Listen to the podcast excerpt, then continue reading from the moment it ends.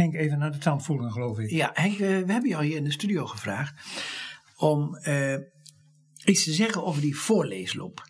Uh, we hebben uh, in de afgelopen maanden hebben we vier voorleeslopen de revue zien passeren of horen passeren. Ja. En, en ik heb jou ook alle afleveringen toegestuurd. Klopt, ik neem aan dat je ze beluisterd Ik heb hebt. ze beluisterd. En heb je er een indruk van gekregen?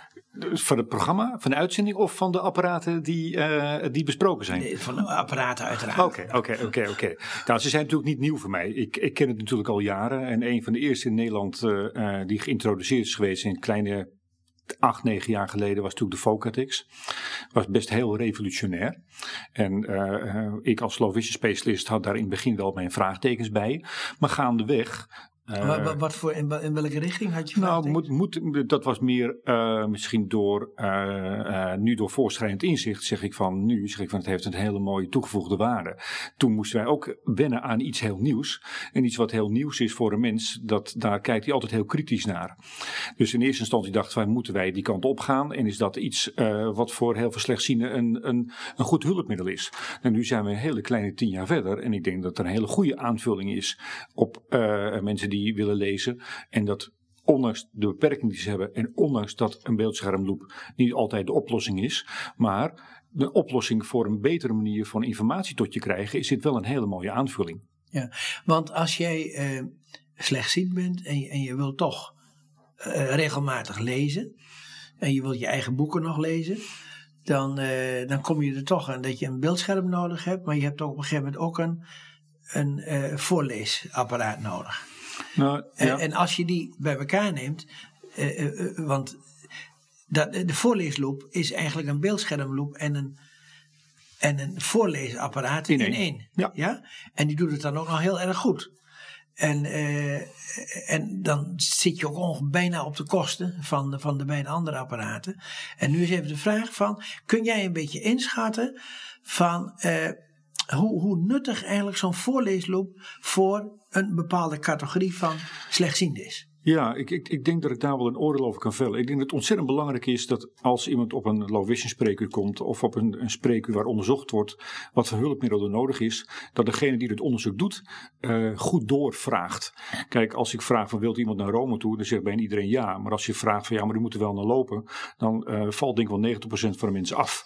En dat betekent eigenlijk ook met dit soort hulpmiddelen. Ik denk dat het heel belangrijk is om als je een patiënt of een cliënt onderzoekt, dat je uh, uh, vraagt waar hij vandaan komt. Wat is zijn rode draad geweest in zijn leven? Um, uh, en bedoel... Nou, zoals bijvoorbeeld de, de, de vrouw van Wim, Wim Dussel, die heeft maculadegeneratie en die is altijd onderwijzeres geweest. Ja, nou, u had, ja. Die heeft altijd heel veel gelezen ja. en, en daarvoor is zo'n apparaat natuurlijk fantastisch gericht. Nou, dat hangt er vanaf. Kijk, als natuurlijk een standaard beeldschermloop voldoet in de situatie, dan hoef je geen uh, voorlees. Uh, uh, iets erbij te hebben. Maar als iemand toch heel graag wil blijven lezen en de beperkingen van de beeldschermloop ertoe leidt dat je minder gaat lezen en met een voorleesgedeelte erbij en dat aanvult, dan is het er een hele goede aanvulling. Dus ik denk, het is denk ik te ja, ja, ja, ik weet niet of jouw verhaal helemaal opgaat. Nou. Want namelijk ieder, iedereen die namelijk met een beeldschermloop moet lezen, die wordt of moe met zijn ogen of wordt moe in, moe in zijn nek. Ja. ja. Omdat hij gewoon op een breed scherm krijgt of juist niet. En, uh, uh, dus je moet dat afwisselen en dan is het heel goed om, zelfs in een vroegtijdig stadium van de ziekte, om toch zo af en toe dat af te wisselen met spraak. Ja, je moet even, wat mijn vrouw betreft, ze wordt dus na vijf minuten al uh, ja. doodmoe. En uh, anderen die ik erover uh, vraag, die hebben ook allemaal rugklachten. Ze komen bij de fysio terecht, omdat gewoon die houding verkeerd is. En een hele simpele oplossing was in haar geval al om het, de bladzijde die ze leest, om ongeveer 30, 35 graden te kantelen. Te kantelen. Ja. Heel, hele simpele manier van.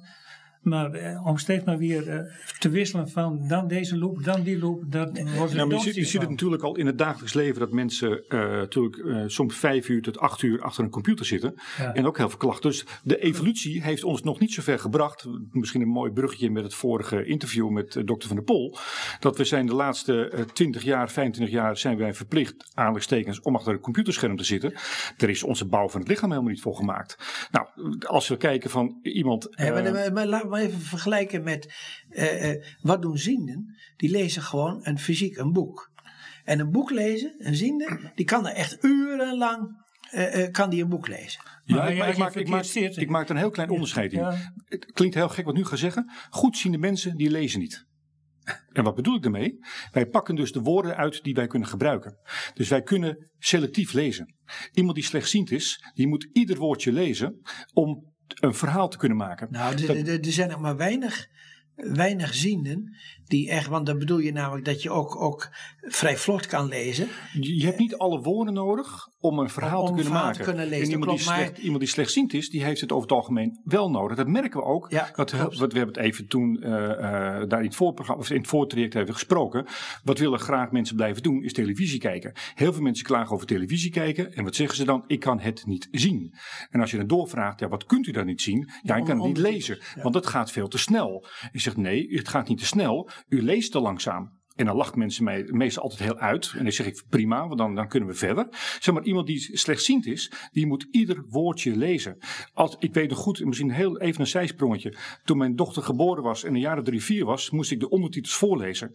Toen pas, en dat is 19 jaar geleden, kwam ik erachter, als ik hardop de ondertitels voorlees, haal ik het ook niet. Exact.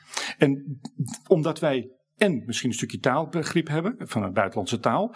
En de woordjes pakken, hebben wij een compleet verhaal. Nee, en maar we, gaan ook is, die kan namelijk dus niet. eh, eh, woorden, die, die gaan we namelijk op de, op de woordherkenning, eh, eh, eh, eh, eh, weten we het. En niet, eh, we lezen niet de letters.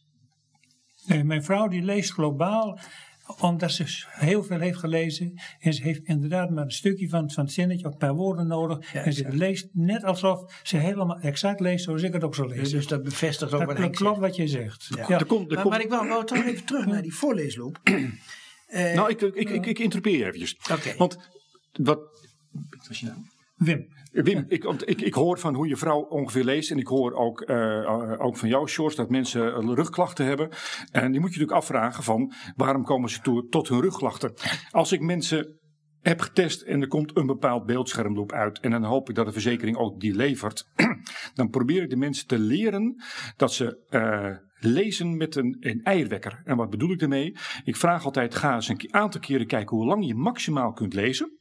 En dat mag 10 minuten zijn, een half uur zijn. En gebruik een eierwekker ernaast om, zeg maar als je een half uur leest, om hem op 20 minuten te zetten. Dus twee derde van de tijd.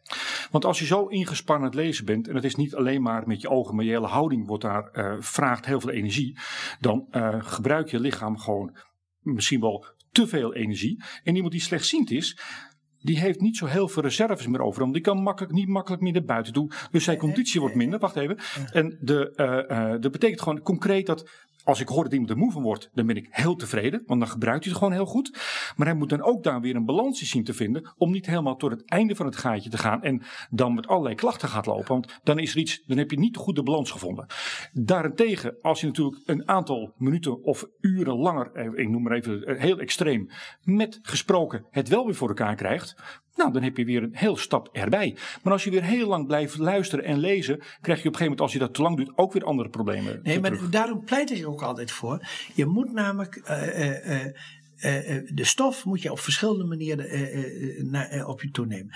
Je kunt namelijk gewoon op, nou, zoals ik dat zelf dan heb, ik kan het namelijk op de, eh, op de voorleesloop, ik, ik, op een beeldschermloop kan ik het gewoon eh, eh, lezen.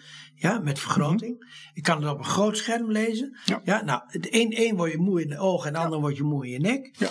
En je moet nog een derde variant. En, en ik pleit ervoor dat het namelijk al bij mensen die veel lezen, dat je dat al in in vroegtijdig stadium van de ziekte doet. Dat je, dat je namelijk die vermoeidheden die je, die je net al zegt, aangeeft, eh, dat je die voorkomt. Dat mensen dan, eh, als ze moe worden, in feite op, op voorlezen kunnen overgaan. Ja, ik denk, ik denk alleen dat als iemand, ja, dat begrijp ik. Ik denk alleen als mensen al zo ontzettend moe zijn eh, dat ze bijna in het laatste stukje zijn terechtgekomen, dan hebben ze geen energie meer over om op een andere manier te gaan doen. Ik denk dat je daar veel eerder in moet grijpen. Dat je zegt van nou, eh, en dan kom ik er even terug op het vorige verhaal van, ik kan een half uur lezen, stop met een kwartier en ga dan op een andere Maar, houding. maar, maar, het is, maar het is een algemene zaak. Kijk, als ik aan het werk ben dan, eh, dan ga ik ook eh, na een anderhalf uur, Ja, dan ga ik gewoon in de stoel zitten. Ja. En dan ga ik lekker even luieren. Ja, maar waarom Ja. zou je dan tot het einde van de rit moeten blijven lezen? nee, nee maar, nee, maar het is wel zo dat je namelijk, als je een variatie hebt Ja. van het totje nemen, dan, dan, dan word je niet zo snel moe. Je, je kunt in ieder geval het, het punt van stoppen kun je uitstellen. Ja. Klopt, helemaal mee eens. En de manier waarop, dat is voor iedereen aanzienlijk. Maar, maar wat zou je dan zeggen van in de praktijk van, zoals bij Bartimeus, eh, eh, komen dan niet veel meer cliënten in een vroegtijdig stadium gewoon in aanmerking voor een voorleesloop? Nou, ik ik, je kan een discussie eh, houden over wanneer je, iets- wanneer iets moet gaan doen. Ik, ik, we hebben natuurlijk daarvoor hebben wij- al een aantal keren hebben elkaar gesproken telefonisch. En ik heb daar natuurlijk over nagedacht. En ik heb proberen een metafoor te bedenken. En eh, dat het niet altijd hoeft. Eh, bijvoorbeeld die metafoor is als iemand moeilijker gaat lopen. Dan krijgt hij misschien speciale schoenen of een stok om mee te lopen. Maar je gaat hem niet gelijk een elektrische rolstoel duwen. En er zou misschien mensen met handicap daar wel terechtkomen. Maar misschien maar 10%. Dus het is wel zaak om, daarom zei ik al in het begin al van de uitzending, van dat je goed gaat informeren wat iemand in het verleden heeft gedaan. En dat je doorvraagt wat hij heeft gedaan. Want als iemand alleen maar zijn voetbaluitslagen erop zou willen lezen, ja, zou je dan daar een, een en hij kan het met een standaard beeldschermloop voor elkaar krijgen, denk ik dat het een beetje overcarry is, overdone is om Nee, een nee, we- te doen. we- maar, maar, maar, in dit, maar in dit geval natuurlijk. we, we zijn het er al over eens. Eh, eh, eh, het is met name voor mensen die veel willen lezen. En, en eh, eh, eh, kijk, je, je kunt natuurlijk, wa- wat vroeger heel veel gedaan werd, eh, ook, ook bij leveranciers, maar ook bij de instituten, van je kreeg eerst een, eh, een loopje van twee keer, daarna eentje van drie keer en dan van vijf keer. En, eh, en, en je bent elk jaar bij bezig om weer, daarom- weer nieuwe, de- nieuwe hulpmiddelen te Klopt, krijgen. en daarom is ook- Terwijl ik namelijk een voorleesloop heb, die ik nu al 7,5 jaar gebruik. En daarom ben ik ook een groot voorstander van dat mensen gewoon veel eerder naar een revalidatiecentrum gestuurd worden. Waarbij ze objectief kunnen kijken wat allemaal de mogelijkheden zijn. Nee, het is geen reclame. Het is meer het feit dat ik natuurlijk eh, de, meer dan 30 jaar redelijk goed weet wat er in Lovisenland gebeurt. En ik ben het helemaal met je eens dat mensen, als ik een vergelijk laat zien, dat mensen kunnen lezen met een loop of met een eh, telescoopbril of met een beeldschermloop. Dat heel veel mensen wel kiezen voor een beeldschermloop. Omdat het gewoon een makkelijkere manier is. Alleen, een beeldschermloop is niet iets wat je natuurlijk in je tas meeneemt. En ik zie natuurlijk heel mooi hier aan de tafel dat je een heel klein mooi eh, elektronische handloop heeft. Handloop, ja. Ja, nou, dat is maar alweer een mooie aanvulling. Niet om daar hele stukken mee te lezen, maar zoals hier in de uitzending zitten, kun je toch een stukje papier lezen. Nee, nee, maar je hebt, je- kijk, ik heb namelijk een, een, een elektronische handloop. Ik heb een voorleesloop. Ja, maar en niet iedereen is en bemachtigd en, en, en, en ik heb ook een, eh, eh, eh, eh, een telescoopbril? Ja, eh, eh, eh, want je moet in verschillende variaties, wil wil je namelijk gewoon kunnen lezen. Ja, maar je moet alleen oppassen dat wat, zoals ik, ik mag jij zeggen, heb je gezegd van tevoren. ja. Zoals jij het doet, dat het niet altijd te projecteren is op de gemiddelde slechtziende. Nee, nee, nee, nee. nee, nee. En net zoals de vrouw van mijn buurman, die lerares is geweest. Dus heeft van nature heeft ze waarschijnlijk al heel veel moeten lezen en willen lezen. Dus die drive heeft ze ook om dat zo lang mogelijk vol te houden. Maar er zijn mensen die heel weinig hebben gelezen, maar toch die zelfstandigheid willen houden. alleen maar televisie kijken. Ja, ook, ook, dat. Maar ja, goed, ik denk dat iedereen wel zijn post in dat Nee, maar, nee, maar, nee, maar die, discussie hebben we gehad. We, we vinden namelijk, dat vinden we allemaal, dat, eh, eh, dat mensen met name die veel lezen, daar komt het voor in aanmerking. Ja, maar wat is veel lezen? Nou, dat is weer een definitiekwestie. Ja. Maar ja, het is wel een heel belangrijke soms. Ja. Want als ik moet verantwoorden naar een verzekering toe, omdat ik een bepaald hulpmiddel wil aanvragen, ja, dan eh, eh, moet ik wel eh, materiaal hebben om dat te kunnen verdedigen, om dat te kunnen motiveren. Maar goed, dat hoeft geen beperking te zijn, want ik heb ooit heel lang geleden een beeldschermloop, heel lang geleden, meer dan 15 jaar geleden, dat iemand alleen zijn post mee wilde lezen en de verzekering dat niet wilde.